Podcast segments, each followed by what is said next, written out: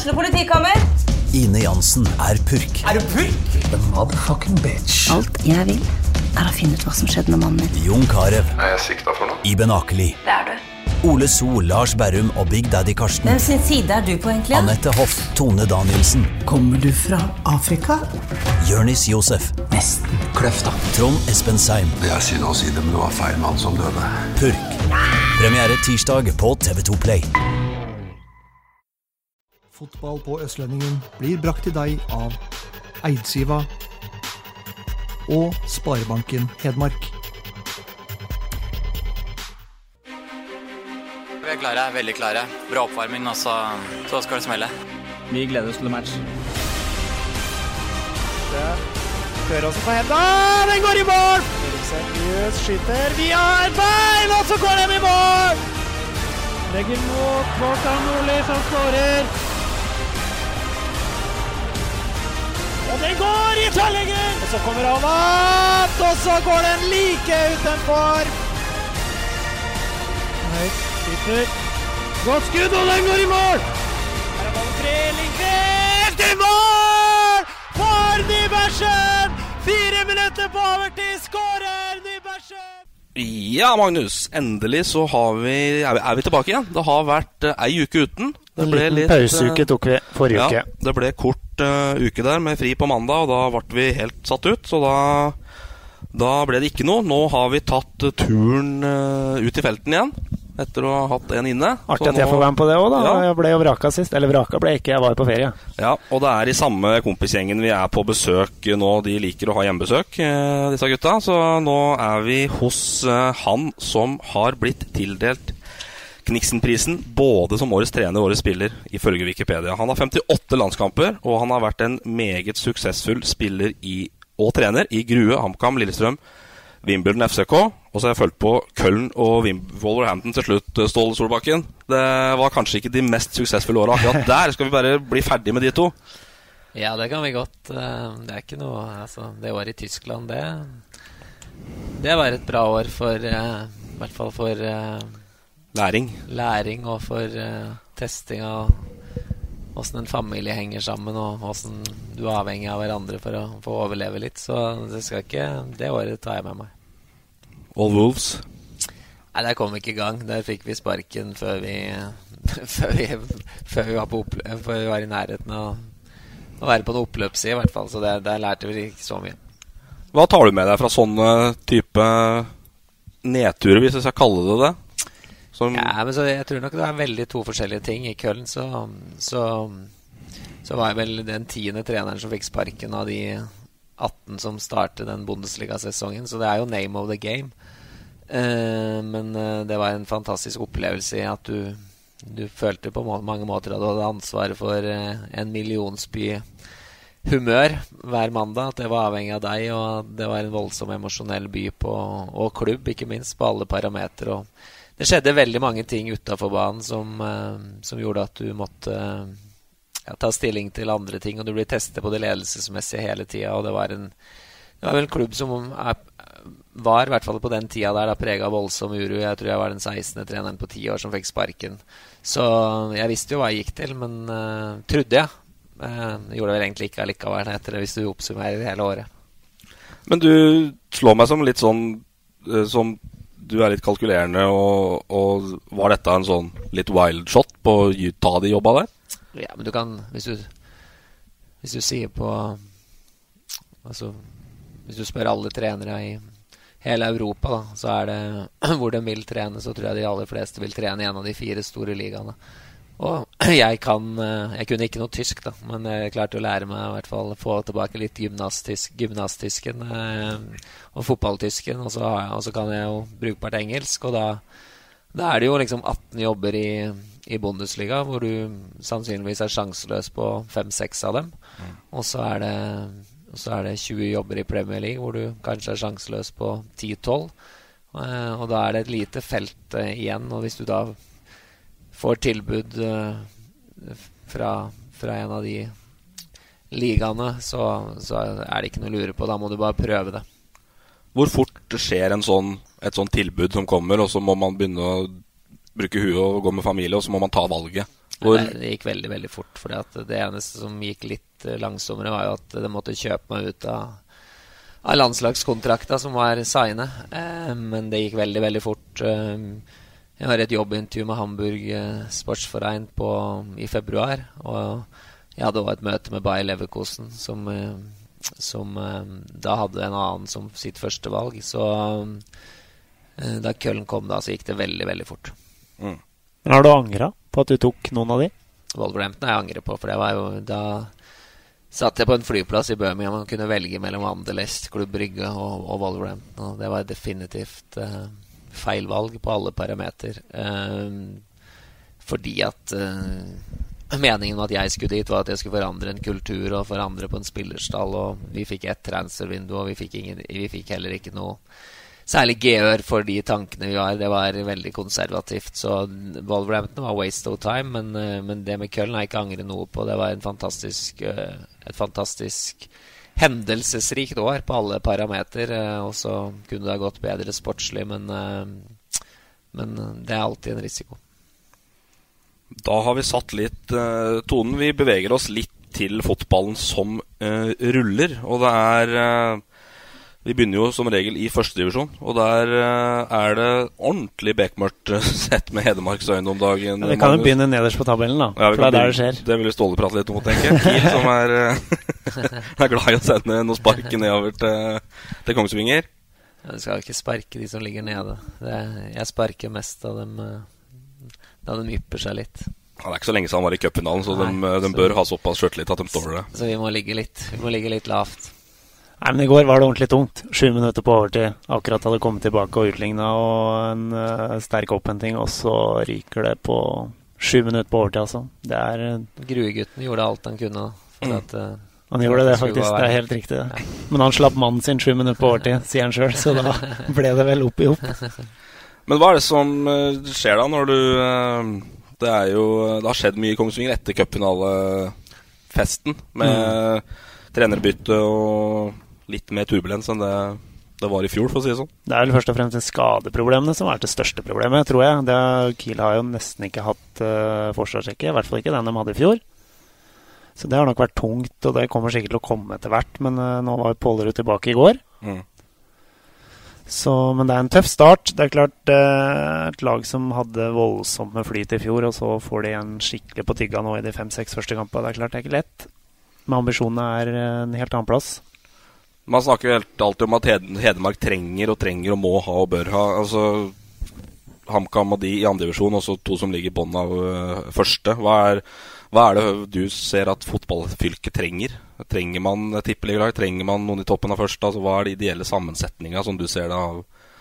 Så lenge det er 16 lag i tippeligaen og 16 under, så, så må jo målet for vi, altså, Er det jo ikke noe i veien for at et så stort distrikt ikke skal klare å få et uh, eliteserielag i ny og ne. Uh, det, det, tror jeg er realistisk òg. Uh, Sandefjord er der nå, f.eks. Det, det kan jo i hvert fall sammenligne seg med både HamKam og Kongsvinger på alle parameter. Både bystørrelser og historikk og, og, det hele. Så, så at du kan ha et eliteserielag, og at du kan ha to i førstedivisjon, det, det er absolutt ikke umulig, det. Men, men sannsynligheten for at kanskje et, et eliteserielag og et førstedivisjonslag og noen gode andredivisjonslag er kanskje det mest realistiske. Hva er det handler om, da? Er det som de sier oppe i Sund, at det er kun penger og spillere, eller er det Ja, det er jo altså Penger og spillere og trenere er viktig i fotball, da. Eh, men, men eh, Det kokte vel ikke med gryn på Hamar i 2003, eller? Nei, det gjorde ikke det. Så det, dette handler jo litt om å, å samle ei gruppe. Jeg, jo, jeg, kjenner jo ikke verken Elverum eller Konsvinger inngående nå. Konsvinger lager litt bedre, selvfølgelig, i forhold til at du så noen semifinaler og finaler i, i fjor. Uh, Elverum så jeg ikke noen av de kampene mot HamKam i fjor, og, og, kjenner ikke det laget spesielt godt. Uh, HamKam kjenner jeg godt nå. De tror jeg har en fair sjanse for å kjempe i toppen helt ut i år. Mm. Det har de bevis. Vi skal tilbake til HamKam etter hvert her. Men for å ta Elverum først, da. Florø var det søla bort to poeng, og ordentlig søla bort mot Ranheim. Ja, Ranheim søla dem bort to poeng. Eh, Florø søla ikke bort, men de var absolutt nærmest å vinne. Men eh, den Ranheim-kappen skulle de drept mye, mye tidligere. De skulle aldri satt seg i en situasjon at de kunne få det straffesparket imot uh, fire minutter på overtid. Og så er det typisk et lag i motgang å få det, da. For uh, de hadde god kontroll og hadde noen gedigne sjanser til å avgjøre. Det blir jo 1000 kroner spørsmålet som vi får svar på i oktober. Er det da typisk et lag som rykker ned? Det er vel litt sånn uh, Har ikke vunnet på de første seks. Det er vel ikke noe godt tegn. Nei, men det er vel sånn Jeg tror Elverum er såpass realistisk at uh, at de tipsa jeg så før sesongen, så ville det være en overraskelse hvis de ikke skulle være blant de lagene som kjemper om å klare seg. Mm. Uh, så det tror jeg de er mentalt godt forberedt på.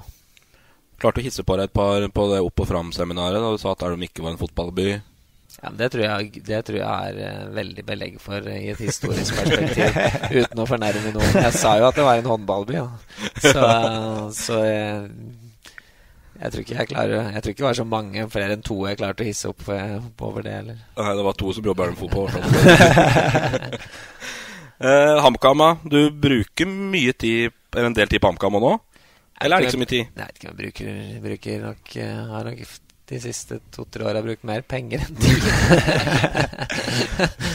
så eh, det er, vi har jo vært en sånn investorgruppe som gikk mm. inn uh, ja, det så som mørkest ut i den sesongen Vegard ga seg og Sørensen tok over, mm. og styret begjærte oppbud. Mm. Så var det jo at 2014. Ja, at Truls Håkonsen og Tom Håkonsen og Hage og ikke minst da Truls Nordby Johansen og Audun Mathisen, så var det vi, vi som gikk inn da med så vi var først Bergeklubben, og så Og så har vi liksom prøvd oss å bidra på en sånn måte at den kan satse litt mer da, for hvert år. Mm. Og men, men, det var veldig vanskelig i starten. Når du starter første sesongen Kent var her, så starter han vel nesten med, på scratch med seks-sju spillere i, veldig seint i sesongen. Så det var en veldig, veldig vanskelig oppgave. å å få det på beina, liksom. Så, men nå er det jo over den hurdlen, og, og, nå er det i hvert fall muligheter til å se at det kan bli noe med fornuftige nykommere, som i hvert fall eh, de fleste av dem bør kunne bidra på banen jevnlig, og, og, mange spennende unggutter, og lokal trener og, og, og lokale assistenttrenere som har, som har gjort en god jobb med den spillerutviklingen i Twiddy og med Twid, Chris Twiddy bl.a. Så, så det, det, bør jo være grunnlag for å vinne noen flere kamper og få noen flere poeng og få noen flere gode opplevelser, ikke minst. Jeg tror det, det handler om det òg. Hvor god match er Hvorfor er Knappen og, og HamKam en god match, som du ser det? Jeg kjente jo ikke Kevin Knappen uh, overhodet, egentlig, før uh, jeg visste bare at han hadde trent Elverum og Brumunddal. Så så, var det ikke på en liten sånn intervjurunde? Jo, men det var vel mer sånn at styret, at styret på en måte ville bare at jeg skulle stille noen spørsmål som Kje-spørsmål? Ja, kje-spørsmål. um, det gjorde jeg jo, men det var jo ikke på ingen måte jeg som, som avgjorde det. Altså, det var jo det var det andre som, mm. som er ansatt i HamKam for, og, og som har mye, mye større muligheter for å påvirke. Så Eh, men Kevin er jo en, eh, en oppkommer, opp, god oppkomling og har røtter i distriktet og har vist seg som en eh, dyktig mann både i Elverum og Brumunddal. Og så er, det, så er, det, jo litt sånn at det er annerledes å trene HamKam enn Elverum og Brumunddal. Det vil jeg påstå. Og i hvert mm. fall i de periodene han var i de klubbene hvor du kanskje skulle forsvare et eller annet, at du skulle ligge i, i den andre enden av tabellen. Mm. Eh, og, og og bruke mye av tid på det. Mens, de, mens HamKam nå skal jo prege kampene på en annen måte. Men da tror jeg at uh, han tar den utfordringen på strak arm, og, og, at han har alle forutsetninger for å klare det. Og, og med et godt trenerteam da, med Knappen, Twiddy og, og Petter sin erfaring. Mm. Ja, for Der starta jo allerede i fjor. Altså HamKam var jo veldig gode ja. hele høsten i fjor òg, så det er jo ikke noe sånn det begynner ikke nå. Det har starta for lengst. Mm. Og banka jo da Grorud, som også ikke hadde tapt. Mm. Og den så vel du? Den så jeg faktisk. Eh, live, faktisk. Du bærer da bud om at dette blir en bra sesong? Tvil om ja. Jeg tror at HamKam kommer til å kjempe i toppen, men det er jo ikke sånn at uh, HamKam heller har blåst uh, noen over ende. Sånn, altså, de hadde den andre omgangen mot, uh, mot Asker, som jeg ikke så første omgangen nå. Mm. men jeg tror fortsatt HamKam har veldig mye å gå på spillemessig. men den virker virker mer bunnsolide. Og, og jeg syns det virker som en veldig fin gjeng. Det er bare å se på noen treninger. Altså det er en mye mer harmonisk gjeng på treningsbanen. Mm. Uh, og man har treffet bedre på sine uh, hva skal vi si nyervervelser. Uh, så, så, det lover veldig bra. Og Brennhet uh, Bugre i første kampen har slitt litt mer uh, Han har også vært litt sjuk, da, så det har gjort det litt litt komplisert. Han spilte vel ikke den uh, Finnsnes-kampen. Spilte han ikke. Han var tilbake nå. Mm. Det er et bra lag, og det er ja, Vi har jo bare slått fast at han kan rykke opp. Ja, vi har, gjort det. vi har gjort det. Vi har sendt dem opp, vi. Men sånn liker så, vi, da. Ja, vi gjør det. Vi får være litt løsmunna på det. eh, Sunne har vi også sendt sånn godt ned i sumpa. Der har de etablert seg allerede. Så. Ja, de har det. Både Nybergsund og Brumunddal har fått det vanskelig i starten. Sundet har jeg jo sett, da, for jeg så den cupkampen òg. Mm. Så da er det jo ikke noe Det var ikke noe stor forskjell på HamKam og Sundet i den kampen, så dem skal nok klare seg, skal du se, med min gamle Beck som trener. For Sundet de har jo ikke blitt spilt av bana i noen av de kampene, tapt alle de de har gjort med ett mål, så det er ikke noe sånn Det er ikke sånn det så ut i vinter, da, for å si det sånn. Det har blitt vesentlig, vesentlig bedre. Så du Storbekk som en uh, hovedtrener når du henta en litt forsiktig Gjørdøl fra Raufoss i ja, 2004-2004? Ja, Du kan godt si at han var forsiktig, men det, har, det, han hadde alltid, var jo en selvstendighet og ro. Mm. Uh, så, så, det ville jeg ikke sagt var utenkelig. Altså, han er uh, han, han, hviler i seg sjøl, i alle André, og er en klok mann, så, så det ville jeg ikke satt på som helt som umulig da en gang heller. Jeg er vel inne på en sånn vei i sundet da, med, med Storbekk og så gamle Lars Blikst eh, som assistent sammen med Ole Petter Sætre. Så det er folk som brenner for Nybergsund, og det trenger du kanskje i en sånn ja. type klubb? da. Ja, det gjør det. Det trenger du. Og det tror jeg er Der er Ola Brenden i mange, mange år holdt dem ved liv, tror jeg. Så, så det er bra noen andre òg kan bidra var ute Brenden når vi skal få inn han etter hvert òg, men gikk jo ordentlig tom Brenden. Er du redd for å Skogheim har gått tom? Altså, du stamper i veggen, og, og, og Er du redd for det? Eh, nei. Eller blir det for stort det du gjør i forhold til, eller er det samme mekanismene? Ja, så HamKam i 2003 kan det sikkert sammenligne. Da var det jo stort sett uh, meg og Tom Jacobsen og Truls. Um, og så hadde du Odd Beck som uh, pumper balla. Og rydder opp i garderoben. Men var det, vi, var jo ikke, vi var jo ikke mange da. Mm. Um, så det handler jo litt om å passe på seg sjøl og Men ja. du kan gå på veggen som trener og sportssjef i FC København nå? Ja, hvis du, hvis du, absolutt vil, så kan du vel det. Men ja, det, det har jo ingen interesse av. Altså, når jeg ikke gikk på veggen de første 18 månedene etter jeg kom tilbake, så går jeg ikke på veggen nå. For Nei. nå er det styr på det. Nå mm. er vi ansatt i riktige folk i de riktige posisjoner. Så mm. Nå er jeg, nå er jeg veldig langt fra veggen. og Patrick Holte møtte veggen veldig fort. Ja, det var rekordfort, faktisk. Hva var det? Den har jeg ikke fått med meg. Patrick Holte holdt vel tre kamper i Flisa. Så, ja, ja. Okay. Han fant ikke ti. Fant ikke ti etter å ha prøvd i tre kamper. Ja. Så, men det var under et meget sterkt tvil han sa ja, da. Uh, ja, jeg han skal ha det. Men uh, fant ut at det ikke var, var det ikke rom for. Og da er det Omang Engen som er inne som caretaker, i hvert fall foreløpig. Da er han sportslig leder trener og spiller. Ja. Nå har han vel kutta spiller, da, og skulle kutte sportslig leder. Ok, Får ringe Skogheim og Brenden om råd, da, han hører jeg. Ja. hva man ikke skal bruke tida på i de rolla der. For det, det er mye Så du pumper vel baller og, og, tar ut laget på sånne jobber, stort sett? Så.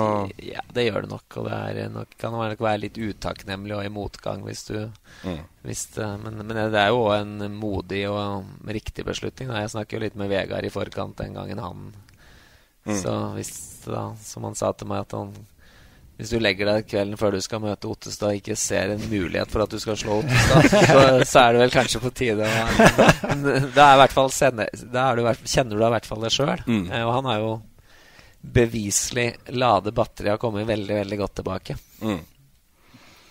Da er vi godt nede i tredjedivisjon. Du har prata med Morten Åkerøyen i uh, denne uka her. Ja, det har jeg. Og når, når gir han seg? 43 nå?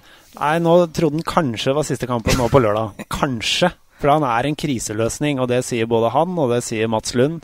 At når um, de skadde spillerne kommer tilbake, så er Åkerøyen ut. Men når du er kriseløsning og du bare vinner og vinner, da, hva, da ville jeg som trener sagt at kanskje det blir med en noen siste, uker til. da Det er ikke siste kampen på lørdag. vet du. Nei, jeg tror ikke. Alle skjønner jo det.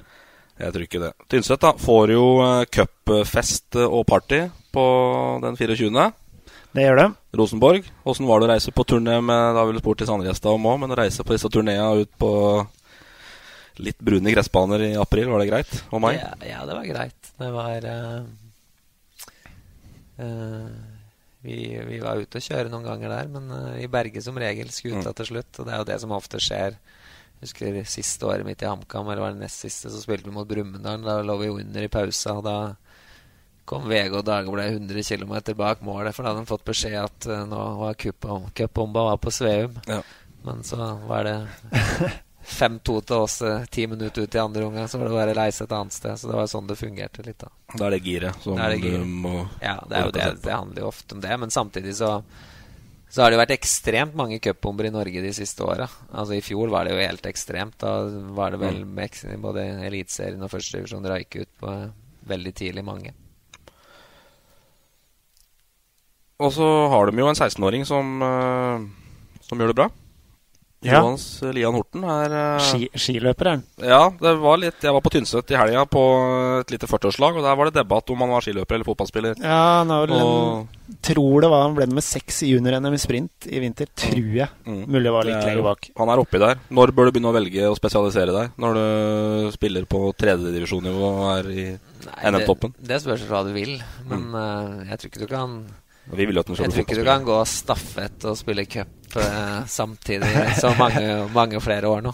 Prioritere NM del to foran uh, første kvalikkrunde i cupen. Men HamKam har jo en sånn unggutt i ja, Sander Eng Strand. Ja, ja, han, er jo, han er jo, har jo hatt en fin miks, men det, det, det, det, strammer seg inn sjøl hvis, uh, hvis du blir satt i en sånn situasjon at, at du må velge. Men altså, jeg syns jo at HamKam har taklet det fint og latt gutten gå på skøyter. og han er jo best i Europa i sin klasse, så, så det har jo gått bra til nå. Men uh, det kan jo godt hende at det er noen i Nederland som, som tar han igjen hvis han ikke trener mer skøyter, og vice mm. versa hvis han ikke får nok fotball. Så, så det blir jo en, blir sikkert noe, et avgjørende år for hva han skal velge nå det neste året. Mm. Det morsomme med Lian Horten er jo at han spiller midtbaneduo med Åkerøyen. Åkerøyen fortalte det. Og det er jo 27 års uh, aldersforskjell på de to. Åkerøyen er to år eldre enn faren til Jonas Lian Horten, som spiller sentralt på midten sammen med Det er jo deilig. Så er en fin duo. Ja, det er bra. Det er bra. Jeg tipper at Åkerøyen spiller ut. Han bør det for Tynset sin del. De trenger å holde seg og venne seg til det nivået i tredje. Der bør de være. Så det er det ingen tvil om. Også hvis vi skal bare en kjapp tur nedom fjerdedivisjon. Du var jo på Hias på lørdag. Ja. Og når vi hadde besøk av Simen Arnesen, så sa han det Eller da pratet jeg på det um du pleier å ha med deg en hel haug med gummikuler og gras uh, hjemme fra IAS. Mm -hmm. Jeg vet ikke om du har sett den østlendingbilen etter at jeg var der, men den er grønn, altså. Ja, det graset der begynner å bli løst nede på IAS nå. Det er, sokker og bukser og alt. Det er helt grønt, da. ja, det er det. Og hvis du løper da i tillegg, så er det jo opp til opp til brystkassa. Men det var et uh, morsomt oppgjør mellom Ottestad og, og Engerdal. Kjempeartig. Veldig artig. 2-2? 2-2. Engerdal best i første omgang, skårer to mål. Ottestad kjørte over Engerdalen i andre omgang. Og burde vunnet.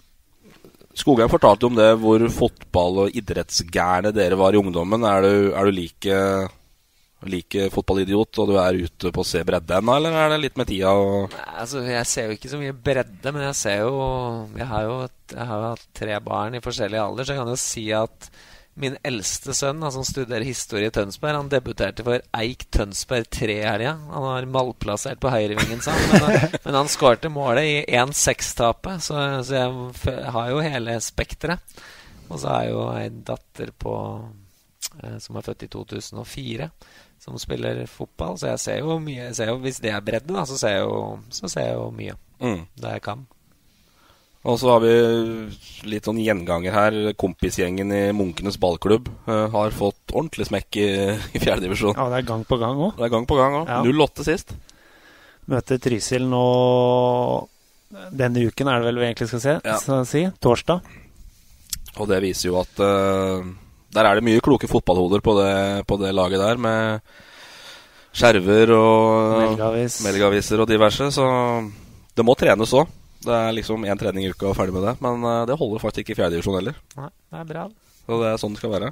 Nytt seriesystem, og tøft er det. Skal vi nevne at Yeo vant serieåpninga 3-2? Vi er der igjen, ja. ja. Vi nevner det bare. Sånn. Så går vi videre. Gratulerer med seieren. Takk. Uh, Ståle Solbakken, Uh, du starta karrieren din i Grue. Vi skal gå gjennom den litt sånn steg om steg. Og der var det Det var en ordentlig bra årgang. Eh, Ja, det var det. Dere vant gutter 16-NM. Ja. Fortalte Gjermund Holt. Fortell. Eh, nei, men det gjorde vi. Altså, vi, eh, vi hadde jo Vi hadde vel kanskje de to beste guttespillerne i landet på den tida. Stig Østerud og Kent Bergersen. Så Mm. hvis en av dem ikke Hvis Stig Østerud hadde vært født fire dager før, for det var den første august-regelen uh, oh, ja, på den ja. tida der, så hadde, vi- så hadde vi ikke vunnet.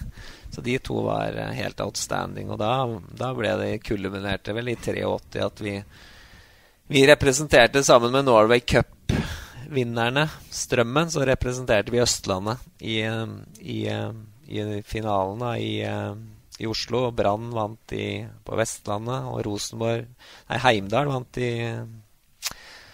Midt-Norge, og så var det Bodø-Glimt, og så var det Start. Og så var det sånn delt inn i to puller og finale. Og da endte det med at de to fra Østlandet møtte hverandre i finalen, og da dunker jo Strømmen 3-0 i finalen. Mye pga. Kent og Stig, det er lov å si, men, men vi hadde jo Vi hadde 13-14-15 veldig gode fotballspillere som Mm. var født i etter eh, 1. august 66, og så var det med 68 år. da. Hvor god var du på den tida der, da? Jeg lå nok i sjiktet bak eh, Kent og Stig, men et godt eh, stykke bak, og var jo minst, da. Så, så um, det var ikke jeg, jeg som preget det laget mest. For du fikk ikke U-landskamper? Uh, fikk to overårige. Overårige, står det Ja, på Wikipedia. Ja. riktig. Eh, hva, hva forteller det om tidligtalenter og hva som skjer videre? Det forteller jo at det er vanskelig med selektering, og, men det betyr aller mest, tror jeg, at, at der du Det er mange gir opp, da. Det er jo alderen eh, 18 til 22. Der kan du ha fortsatt utvikle deg veldig godt over lang tid. Mm. Eh, Men da tror jeg både klubber og spillere blir for utålmodige, og så skal du bytte klubb, og så skal du, så skal du være med på alt annet, og så klarer du ikke å holde tunga rett i munnen og klare å gjennomføre det som, eh, det som kreves. For min del så spilte jeg jo ikke Eliteserien før jeg var 24, og debuterte ikke på landslaget før jeg var 26, så Mm. Mister mange der. Ja, for mange. Mm. Og så kom uh, HamKam på banen, og flere med dem sikkert. Men uh... Ja, det var, det var en del, da. Selvfølgelig Konsinger. Uh, og Drøbak var ivrig, for de hadde allerede sikret seg Kent. Ja, uh, eh, et år eller to, to eller tre år i forveien. Og så ja, var det Fåberg. De var var ivrige fordi at de hadde spilt noe sånn militær eh, for Haslemoen mot eh, Jørstadmoen. Jørstadmoen, ja. Der, da var eh, scouts fra Fåberg der. Så det var noen sånne klubber, men det var jo ikke de Det var ikke de toppklubba i Norge. De kom jo liksom først etter et par år i HamKam. Jeg tror ikke militær-NM har like mye scouting Nei. i dag. Altså. Nei, men da var det- da var det- Kanskje burde vært det. Kanskje.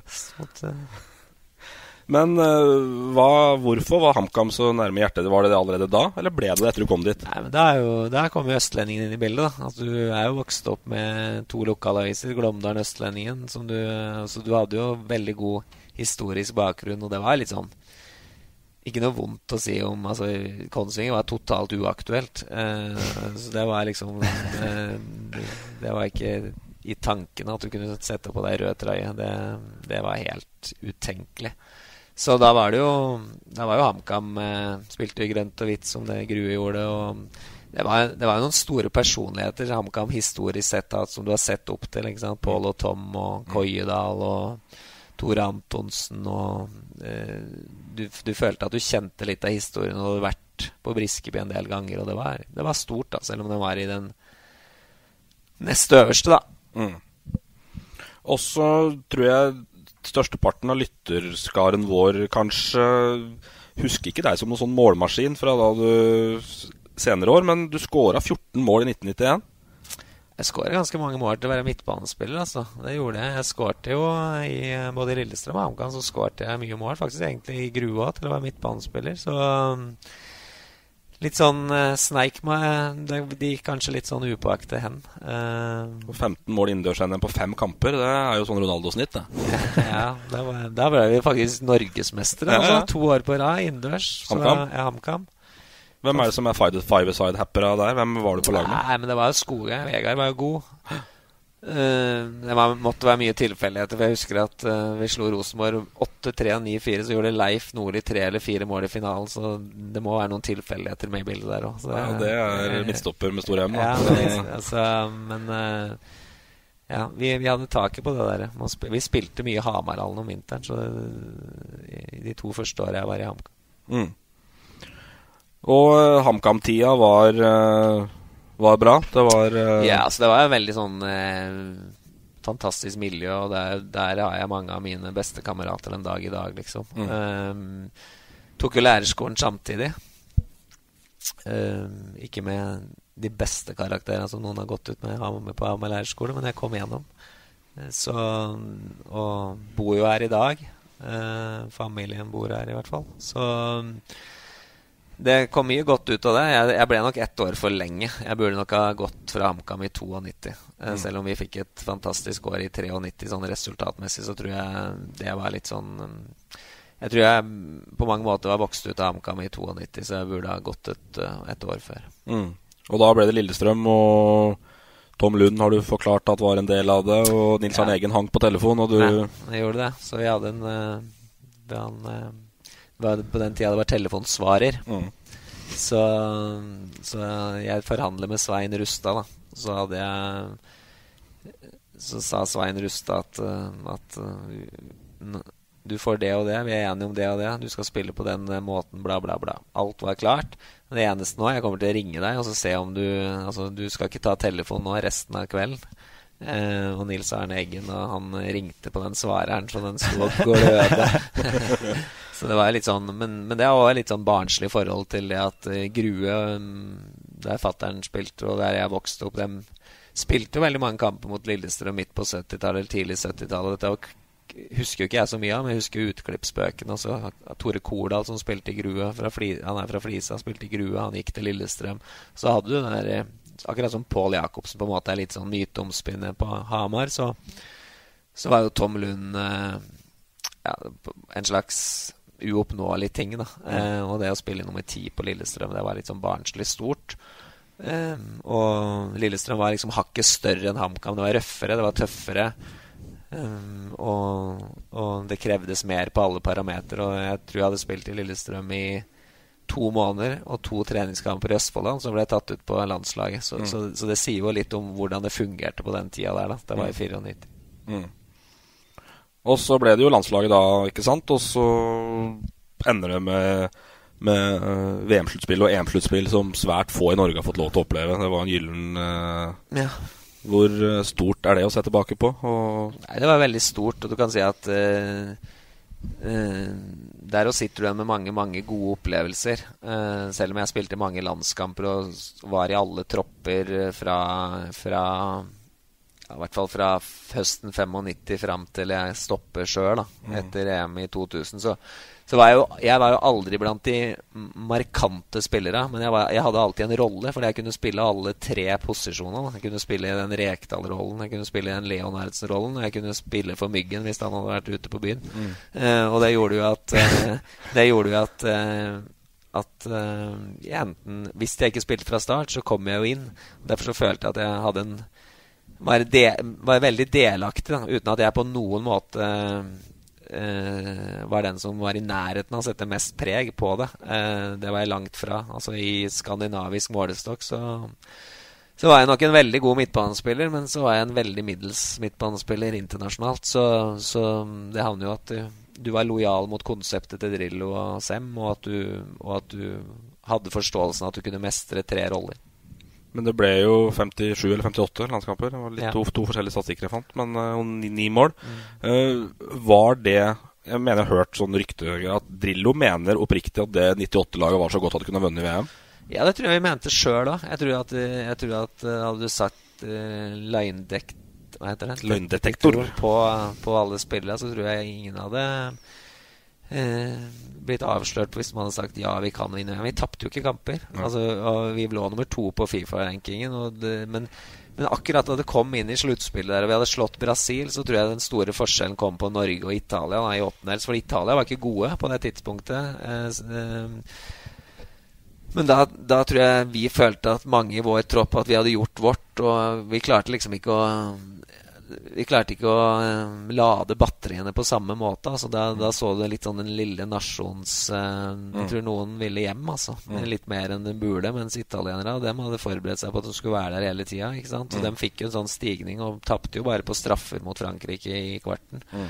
Så men, uh, men var det en gang vi skulle komme enda lenger, så var det nok det 98-laget. Det må jo være litt med den omstillinga etter den Brasil-greia ja, som ja. vi kokte ikke akkurat bare der. Det kokte jo helt vilt her, i hvert fall. Ja, det gjorde det. Så, um, men jeg tror òg at uh, det var jo en av de få gangene Drillo satt i samme elve på banen nå, mot Italia som han gjorde mot uh, Brasil. Mm. Og det var veldig ulikt han. Han brukte jo alltid å finne på noe. Mm.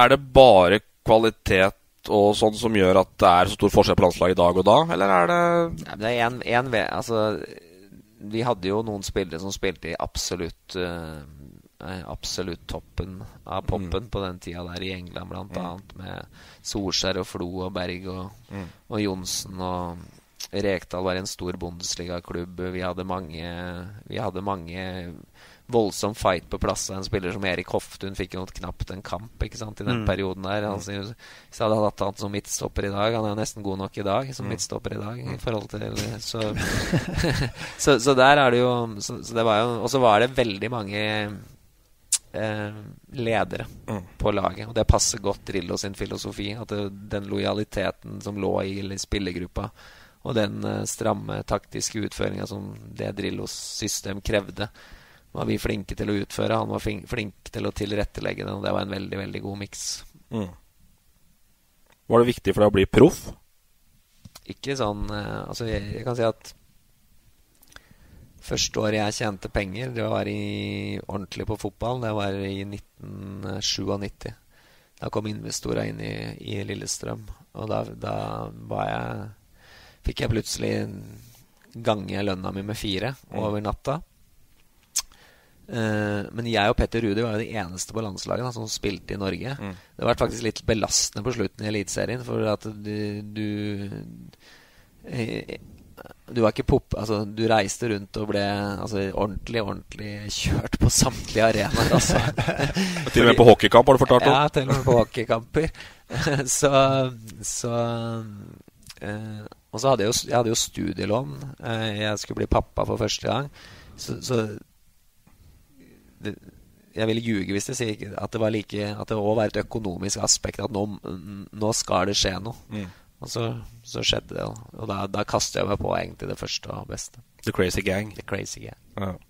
Var det Det var ikke så crazy lenger, da. Nei, det var, var kanskje mer, ikke det. Men nei, klart, når du blir jaga rundt i skogen med ja. Vinnie Jones med pinne, så, som har fortalt om, så er det jo ikke helt Da løper du. Eller så, eller så sier du imot sånn som du gjorde, men uh... Ja. Nei, det var ikke, det var ikke noen, Det var ikke noe god match. Var det, var, det andre, var det andre tilbud den gangen, eller var det andre muligheter? Ja, det var det, men det var, ikke, det var jo ikke Premier League er Premier League. Premier League er Premier League, og penga i England var, altså, jeg kjente jeg sikkert Jeg kjente vel akkurat omtrent det året det Zlatan gjorde i uka. da mm. Nå, så mm. verden har jo gått framover eh, på det området òg, selv om eh, Selv om eh, det er forskjell både på spillere og klubber. Mm. Men der London og østre deler av London og Ståle Solbakken en, ble en dårlig match, så var Danmark desto bedre. Hvorfor klaffa det så fryktelig, egentlig både i Aalborg og åpenbart i FC København? Ja, det tror jeg at da, da kommer jeg tilbake på det nivået hvor jeg kunne dominere. Og i Som jeg sa, som midtbanespiller i Skandinavia, så, så, så jeg, var jeg vel alltid dominant, i hvert fall i Lillestrøm og Aalborg og FCK. Og i kanskje de første 18 månedene i Aalborg så hadde jeg en sånn sinnssyk revansjesug òg, da. Eh, ville spille meg inn på Altså beholde plassen på landslaget, vise at Wimbledon at dette her var helt høl i huet av dem. Og Så da spilte jeg nok en fotball som, eh, som jeg overgikk meg sjøl litt og en periode. Plutselig så begynte jeg å banke noe frispark eh, og regelmessig den sesongen vi vant gull, hvor det hadde jeg aldri vært i nærheten av å gjort før. Jeg, aldri, jeg, jeg, trente heller ikke på det, så jeg vet ikke hvor det kom fra. Så, så jeg hadde bare sånn 18 måneder eh, i Aalborg da, hvor, mm. hvor alt eh, klaffa. Da du var på de beste, nesten? har du sagt? Ja, det var, det var, det var nok de beste 18 månedene. Jeg har spilt fotball kanskje, kanskje, et år eller to i Lillestrøm ved siden av, men jeg tror aldri en, Jeg tror aldri jeg var der som jeg var de 18 første månedene i Aalborg. Mm. Og så må vi nevne på slutten at fotballkarrieren ble jo satt en stopper for ved hjertestansen din. Og den ja. har du prata om i alle mulige fora, så den, ja. Eh, den, eh, den, skal vi la ligge. Men vi nevner den, så vi har vært innom den. Uh, vi skal hoppe litt tilbake til hverdagen før vi går tilbake til trenerkarrieren din, Ståle. Uh, uh, Svein Erik Edvardsen. Der er det baluba om dagen, Magnus. Og der uh, der Branns-fansen forrige runde sang K.E. Edvardsen NFF, så vet vi nå i hvert fall hvor han er og hva han driver med. Ja, Han så kommer de ikke til å se resten av det året her. Nei. Det er helt sikkert. Nei. Og den der begynner å lukte litt vondt, syns jeg. Ordentlig. Og det, dette tar ikke slutt med det første. Nei, det virker som ballen uh, blir større og større og ruller fortere og fortere. Nå har de vel sagt at de skal legge saken død, da, men jeg kan ikke skjønne at de skal gjøre det. Ja, det var i hvert fall jo... slukka en brann, men noen har klart å gjøre det for evig, det vites ikke. Men uh, det var ikke noen hyggelige meldinger som kom verken på fredagen fra dommerkollegaer eller det som uh, Edvardsen har langa ut i dag. Og der, i den stoffbanken er jeg helt overbevist om at det ikke er tomt. Nei, der får nok, for beskyldninger. Så Får nok noe å jobbe med framover òg, tror jeg. Hva føler du når du ser sånt? At det blir uavhengig av saken og Edvardsen og Hamar og alt, men altså når du ser det blir sånn ballkasting att og fram, det er, eh, tjener ingen? Nei, det tjener ingen. Og det, det nå Jeg tror jo, som Magnus sier, at dette er vanskelig å Jeg tror ikke det er slutt, for å si det sånn. Altså, det, nei, det kan det ikke være. Nei, men uh, vi får håpe at uh, at, eh, det, at, løsningen blir en løsning som alle kan leve med. Men det, det, det, lukter eh, Det lukter fortsatt litt ballade. Jeg ser jo at det spekuleres og skrives fortsatt, eh, tross at partene har sagt at ballen er død. Mm. Det gjorde det. Vi skal snakke litt om det å være fotballpappa og kontra å være fotballtrener. Nå er Markus eh, Solbakken for, på full fart uh, På full fart uh, inn i HamKam og i startelveren i flere kamper nå. Åssen uh, sjonglerer du den rollen? Fotballtrener kontra fotballpappa? Altså, Jeg er ikke fotballtreneren hans, det er jeg ikke. Nei, ja, Men av, av, av, fag? Nei, ja, det kan du si. Altså. Men han har jo alltid vært sånn Han har jo vært litt annerledes enn han er veldig lett til sinns, Markus. Han står opp hver dag og, og, og, gleder seg til at hva kan skje i dag. Eh, og sånn har han egentlig vært hele livet. Og han har jo eh, Altså jeg tror ikke Han Han kjenner nok kanskje ikke historien til HamKam. Han, han, er ikke veldig opptatt av hva jeg har gjort og hva jeg ikke har gjort. Han, han ser nok mer på meg som en pappa enn, enn som en fotballtrener, heldigvis. Og han har spilt fotball med Podolsky i Köln-garderoben, og han har vært på Champions League i parken siden han ikke kunne gå. ikke sant? Han var alltid inne i HamKam-garderoben fra da jeg trente HamKam i 2003.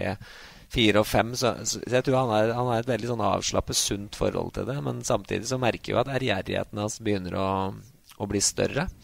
Og at, uh, og at uh, han gjerne vil teste teste seg litt nå, tror jeg, hvor langt dette her kan gå. Han, han trener mer og mer seriøst og sånn, så da, da, gjelder det å være der som pappa hvis det, hvis det ikke går så bra. Da. Eh, og det er jo det jeg egentlig prøver å si både med, til, til, meg sjøl og kanskje også til han nå, at, eh, at det, det, er ikke noe tre som vokser inn i himmelen. Så, og du må være forberedt på litt motgang underveis hvis, det, hvis du virkelig er dette du vil over tid. En liten smekk over snuten mot Nybergsund med straffemiss. Hva gjør det med en tenåring? Eh, nei, det gjorde faktisk eh, bemerkelsesverdig lite. så det var som jeg sa, at det var, mora var langt nede her. Eh, så han la, han la, seg litt tidligere. Han kom igjen den kvelden her, men der, da lå han og så på Tottenham. Han er Tottenham-fan. Så da var mora innom fem ganger og lurte på om, han, om det gikk bra, liksom. Så, så han mente vel vi overdrev psykologhjelpa litt. han kom seg hurtig, det skal han ha. Han var, var lei seg. det var ingen dårlig straffe. Og det er kanskje litt viktig òg? Nei, men jeg tror nok der vi snakker litt, da. Fordi at uh, han hadde jo scoret på seks eller sju på rad på G19, hvor han hadde vendt ut keeperen litt og gjort forskjellige ting. Og, og her så tok han nok den varianten som, uh, som uh, var litt safe, og, og han innrømte vel at han at han stopper å se på keeperen noe tidligere enn det han gjorde på juniorlaget. Så, mm. så, det, så det kilte nok litt mer i magen enn det det gjorde på, på G19. Ser du noe stålig i Markus? da? ja, på noen områder så er han vel Så er han vel lik meg. Men han har jo bedre hva skal vi si basisteknikk, grunnteknikk. Uh, han uh, har bedre spark på ballen enn det jeg hadde så i, i hvert fall i den alderen. Uh, ligger nok litt, han er litt lenger framme på noen områder, men så så er nok jeg litt tøffere uh, enn det i noen dueller og sånn, og er litt mer mer kynisk i noen faser, så får vi se. Men han har jo fortsatt god tid, da. Men, uh, men samtidig så er det en fin arena han er på nå. Annendivisjon er perfekt. Ja, det var helt kriminelt. Ja. Han slår deg vel på triksrekord. Det er vel noen YouTube-videoer ja, som har rullert som uh... Det fantes ikke YouTube da vi vokste opp. Så ja, Det store hos oss var jo å se Roy Kvernmo legge ballen på nakken. Ja. Eh, det var liksom det vi prøvde på. Stemmer. Han med pannebåndet? Han med pannebåndet. Stemmer. Vi skal litt igjennom eh, Vi nærmer oss eh, slutten her. Vi skal litt igjennom trenerkarrieren. Um, det var ganske naturlig å komme hjem etter, etter Kjøben og ta over, ta over HamKam. Hva, hva, er det du gjorde med det laget i 2003? Eh, 2008 ble det åttendeplass, og Nei, unnskyld, 2002 var det åttendeplass og, og ganske langt unna. Ja, jeg tror, nei, det, det, jeg tror vi gjorde, var at vi samlet en vi, samlet, vi klarte å lage en kult, god treningskultur. Uh, og vi, vi, klarte å samle en uh, eh, 13-14 gode spillere. Så var vi selvfølgelig heldige med skader. Men de 13-14 var spillere som stort sett uh, hadde mislykkes litt overalt. Og var, litt, var veldig revansjesugne. Enten så var de upcoming, som Vågan Moen, eller som Uh, Are Tronseth, uh, den typen. Eller så var det noen som hadde kanskje ikke lykkes helt i HamKam over tid, eller på andre steder. Espen Olsen var oppkomming, men så hadde du Petter Sørensen som kom inn som en lederfigur. Du hadde Frode Birkeland som som var veldig flink til å piske opp treningen. Og så hadde du noen veteraner med Espen Haug og, mm. og, og, litt sånne ting. Og så hadde du de lokale innslagene med Joakim Sørum fra Dokka. Og det var liksom Ja, men det var litt sånn Det var en mm. spennende mm. miks, da. Mm. Henter vi Petter Antonsen på fart, vi visste at han aldri ville være god nok til å spille, men han ga alt på hver trening og kunne komme inn siste fem, seks, sju minutter, og det, det lokalpiffet ga det ga noe. Altså, Kom hadde, fra oss så på? Ja, så tror jeg at hadde, altså, vi hadde veldig dyktige ledere. Vi hadde Truls Håkonsen, som var forut sin tid. Og Erik Stensrud, som var formann, som, eh, som var veldig veldig flink til å, til å, støtte og legge ting til rette.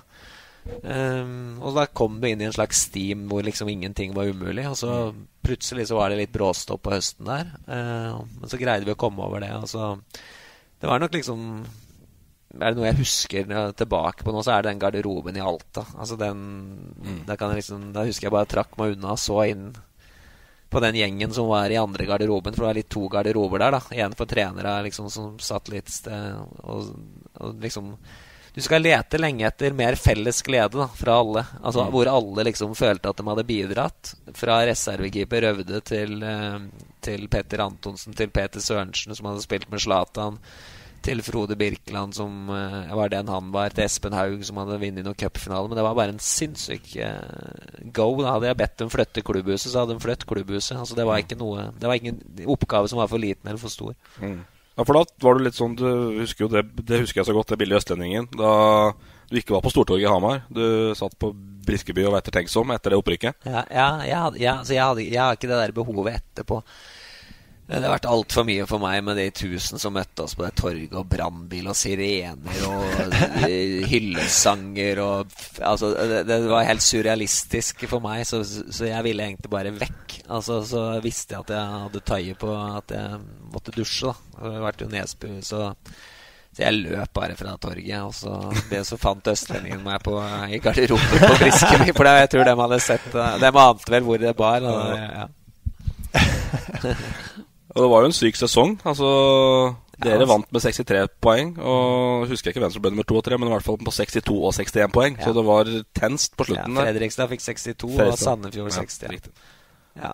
Men vi var jo vi vant 12 av 15 bortekamper, så det var jo der vi egentlig gjorde det. Vi, og vi, vi var ikke det beste laget, det var vi ikke, men vi var det det mest ærgjerrige laget. Vi slapp inn klart minst mål, uh, men vi var ikke det beste laget. Både Fredrikstad og Sandefjord. Det er feil å si, da, men mm. både Fredrikstad, uh, Sandefjord, ikke minst Raufoss, mm. hadde et sinnssykt godt lag. Hønefoss hadde et veldig veldig godt lag. Moss hadde et veldig veldig godt lag. Så det var en veldig sterk liga, og det, det, det tjente vi litt på, at, mm. at alle slo hverandre litt. Og hvor mye æren skal du ha for det som skjedde senere? Nei, det Ja, se, jo. Du er du som har ført inn? Ja, jeg måtte føre inn Jeg var på um, Vi hadde utplassering, 9. klasse. Da kunne, fikk vi velge sjøl, og så var det meg og bestekompisen min veldig fotballinteressert. Jeg hadde aldri hatt noe spesielt forhold til HamKam før dere rykka opp. Nei. Så vi sendte en mail til uh, HamKam og spurte om vi kunne komme på utplassering. Og der var vi våren 2005. Uh, uh. var med å vaske klubbhuset, pumpe baller, kalke bana gjorde vi. Og da husker jeg hun skulle møte Vålerenga, mitt favorittlag Vålerenga i første serierunde, på Briskeby. Og banen har aldri vært så gul noen gang. Den så ut som en potetåker. Den var helt jævlig. Så du får ikke noe ære? Nei, jeg kan ikke ære for Jo, eller Det var kanskje bedre for oss at banen så sånn ut. Da. Ja, vant tre. Men det var noe spesielt med, med HamKam i 04. Liksom, jeg mener jeg husker den.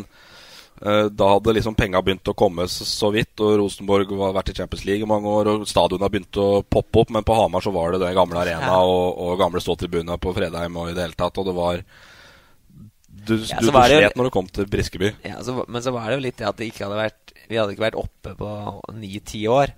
Og så plutselig så var snittet 5500, mm. ikke sant? Og, og, da blir det jo som du sier, at da det er over, det er over 5000 på Briskeby, så, stå, så, så, blir det kok. Mm. Du står så trangt, og det, det blir, blir, noe spesielt. Mm. Og så skjedde jo det at da vi fikk da Vålerenga, Rosenborg og Lillestrøm, så kom det jo fra 7000 til 8000. ikke sant? Da blir det, da blir det ekstremt. ikke sant? Mm. Og da, da, tror jeg alle gikk der med en sånn forventning. Og så ble det innfridd gang på gang, og så gjorde vi noe noe som Altså som var Plutselig så står, får vi nyss om at Jan Michaelsen er fri i Panathinaikos, han har jeg spilt mot i Danmark. Så tar jeg en telefon til agenten hans, da. Og, var, og så plutselig Nei, han er interessert i det her. For han, FCK Brøndby er eneste klubbene i Danmark vil spille for, så han vil ikke trappe ned i, i gåsetegn da, i Danmark. da så liksom, vi fikk noen sånne påfyll, da. Petter Vågan ble plutselig landslagsaktuell. Espen Olsen fikk noen landskamper. Mm. Eh, og, så, og, så, står Jan Michaelsen der, ikke sant som hadde spilt mot Manchester United i Champions League i februar. Og det, mm. det, det, det ga noen sånne input. Aksel Smets, første 2004-backspillet hans før han ble hofta gikk ut av ledd, det var jo en annen verden.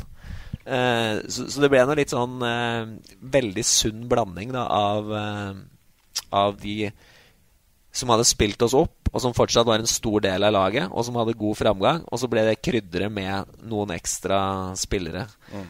Abioduns 20 minutter mot Rosenborg. ikke sant? Mot Hoftun. Altså, ja, altså det, er jo sånne, det er jo sånn som folk prater om enda. Mm. Eh, det husker jeg godt. Ja, og, og, og så, så, så Frigård, plutselig så kom han tilbake. Alle hadde hørt om han. Og mm. første året hans var jo veldig bra. Mm. Eh, så, så jeg tror at den miksen mellom de de som hadde pressa oss opp i 2003, og de som nye, da, det ga en sånn enorm løft. Og det var kjekke gutter, alle sammen. Så, det, så, så harmonien var fortsatt der.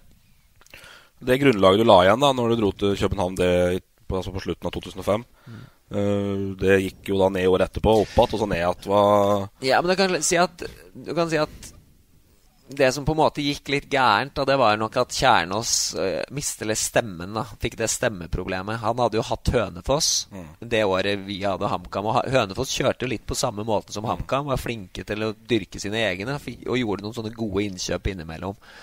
Uh, og det var meningen at han og Frode Frode var jo fersk som trener i Grodås, at det der skulle være litt mer teamwork. da Men så mista han den stemmen, og så kunne ikke han være så mye på feltet. Så ble nok Frode litt uh, fersk. Men det du skal huske på i det der, er at uh, i 2005, hvor vi blir nummer ti, mm. så tror jeg vi tar bare tre eller tre poeng mer enn det de gjorde året før. ikke sant? Så Det ville jo alltid, det var jo 2004 vi ble nummer fem, og så ble vi nummer ti i 2005 med et bedre lag, egentlig. Men da, vi, da fikk vi jo en del flere skader. og så, så, så, det var liksom det at Lars mistet den stemmen og ikke kunne bidra så mye, og at vi, og at vi bomma litt på overgangsmarkedet. Plutselig hadde mye penger, Mm. ble litt for uforsiktige.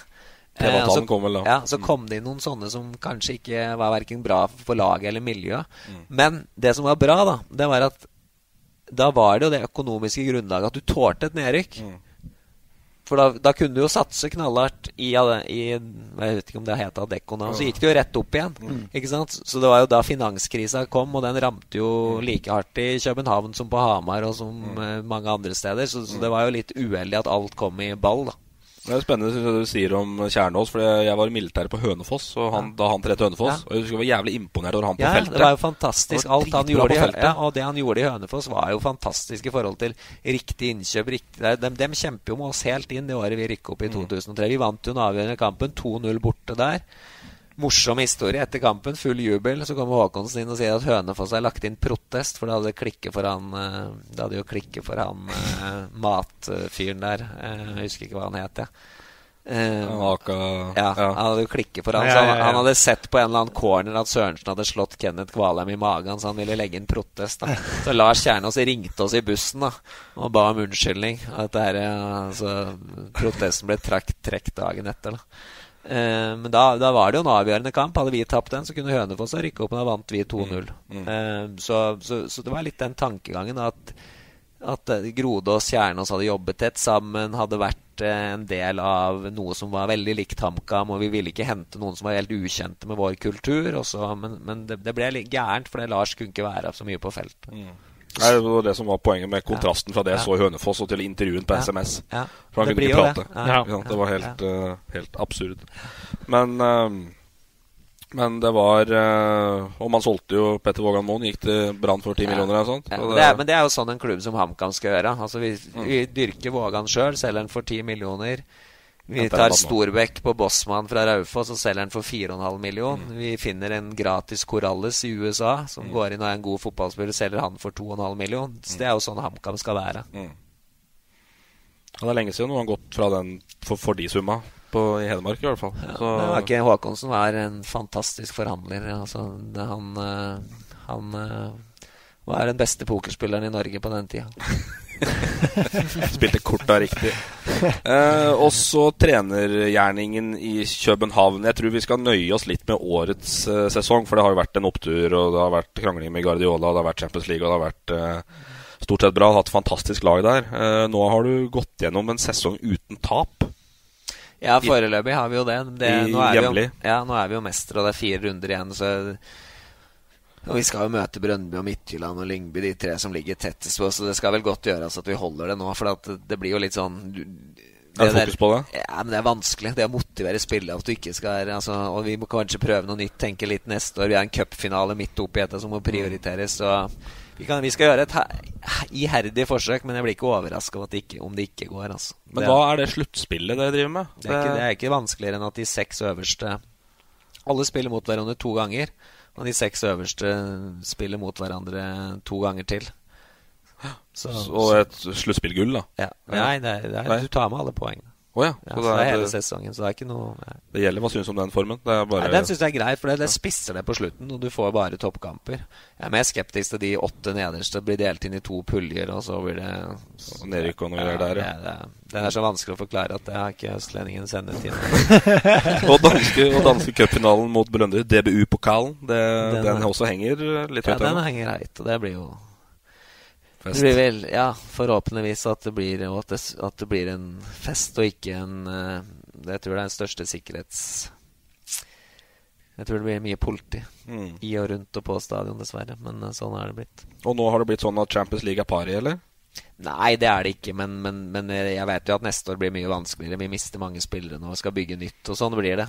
Tar du Gjør du det bra i Champions League, så Og det sa jeg til ledelsen at de, hvis dette her ender med Champions League, og du i tillegg gjør det bra i gruppespill, og nå gikk vi videre, og så blir det sånn Da kan du Det, det går ikke. Åssen var Champions League-opplevelsen nå kontra forrige gang? Nei, Jeg syns den var like morsom nå, for nå, nå, hadde vi et mye yngre lag. Altså Vi hadde jo de der fantastiske kampene mot Barcelona sist, og så hadde vi, har vi hatt én kamp en, i 2013 hvor jeg kom tilbake. Mm. Da var det på en måte ikke kjente jeg omtrent ikke spillere før vi skulle begynne mot Juventus, Real Madrid og Galatasaray. Da var det mer sånn skrekkblandet fryd. Mm. Uh, første gangen jeg tror jeg har stått i en garderobe, var i, på Bernabeu Vi skulle spille mot Ronaldo og co. Jeg kjente omtrent ikke laget mitt. Og bare håpe at det ikke skulle bli en massaker. Eh, I 10-11 så følte du at du kunne slå hvem som helst. Det, så gode var vi ikke nå, men allikevel så var vi litt heldige med pulja, og, og vi tapte bare én kamp, og, og, vi presterte liksom mellom 90 og 100% i alle seks kamper. Mer kan du ikke forlange. Nei. Det er jo eh, Men eh, dere må gjennom noe kvalik igjen i år òg. Ja, det, det, er det samme hvert år. Det er så små marginer. Mm. Det, det, var det i år òg. Altså, vi skårer fem minutter før slutt mm. på Kypros, og vi, så går det i ekstraomganger der, hvem vet. Så, så, så, så, det der er touch and go hver gang. Mm. Langt unna Norge å få med et lag nå? Nei, det er jo Rosenborg tapte jo på overtid mot Apoel borte, og vi skåret på overtid. Ja, så, så, så, I hvert fall, er, i hvert fall ei runde til. Da. De skulle jo gjennom en runde til. Ja. Jonas Svensson tar vel pushups når Alkmaar ennå, tror jeg. ja, det, tror jeg. Ja. Tror den sitter den er ikke, den er ikke og nå er du godt etablert i Kjøben og på Hamar, og du pendler. Ja. Eh, og, og hvor, hvor, ofte er du hjemme? Hvor ofte, hvordan det er veldig med terminlista. Ja. Mm. Du, du, var observert på i Bernt Hulsker-podkasten og observert på, på Gardermoen klokka seks en, en, morgen her i full treningsoutfit. Ja, ja. Så da er det rett fra Kastrup og rett på, til parken og, ja, og trene og sånn. Noen ganger så er det så er det går, ja. Og det hvor eh, uh, eh, Snakka med noen kilder her som sier at du, du er jo helt fullstendig fotballpunch. Altså sånn ser, mye, mye, mye, fotball ser du ei uke når du er i København. Ja, så er det nok en to kamper om dagen i snitt, da, tenker jeg. Er, litt... er, det da danske lag, eller er det alt av alt, Nei, jeg ser altså Mest topp internasjonal fotball i alle ligaer. Jeg er nok en sånn Jeg er glad i all sånn så for spørsmålet er, Hva var den dårligste kampen du da ser? Altså Hva er det dårligste nivået du da ser på en sånn uke? Nei, men det, er, altså, det, kan være en dansk kamp, eh, selvfølgelig. Du, men, men, jeg kan se Jeg kan jo se en uh, middels tsjekkisk kamp for å finne ut om en spilleren jeg har blitt tipset om, er god. Ikke sant? Mm. Så, det, så, så, hvis mm. du tar med alle de, så blir det jo mye. Mm. Og øh, veien videre denne uka her, det er øh, Elverum skal til Mjøndalen. Ja, på lørdag. Hoppe litt elegant øh, mot slutten her ned til det som kommer. Ja. Elverum skal til Mjøndalen på lørdag. Og så har de Arendal neste helg. Nei, det er Nei, to, Strømmen, strømmen 16. og mai. Så Arendal. Det må begynne å plukkes noen poeng. Ja, jeg er redd det ikke blir til helga. Mjøndalen har vært gode? Ja, det har svingt litt, det òg, da, men de Er leie hjemme, er de ikke det? Jo, de herja jo med Kiel forrige gang på mm. hjemmebane. Mm. Så det blir tøft. Men uh, Elverum for all del spillemessig mye, mye mye bedre de to siste kampene. Men de er ikke favoritter. Det kan vi Nei. si.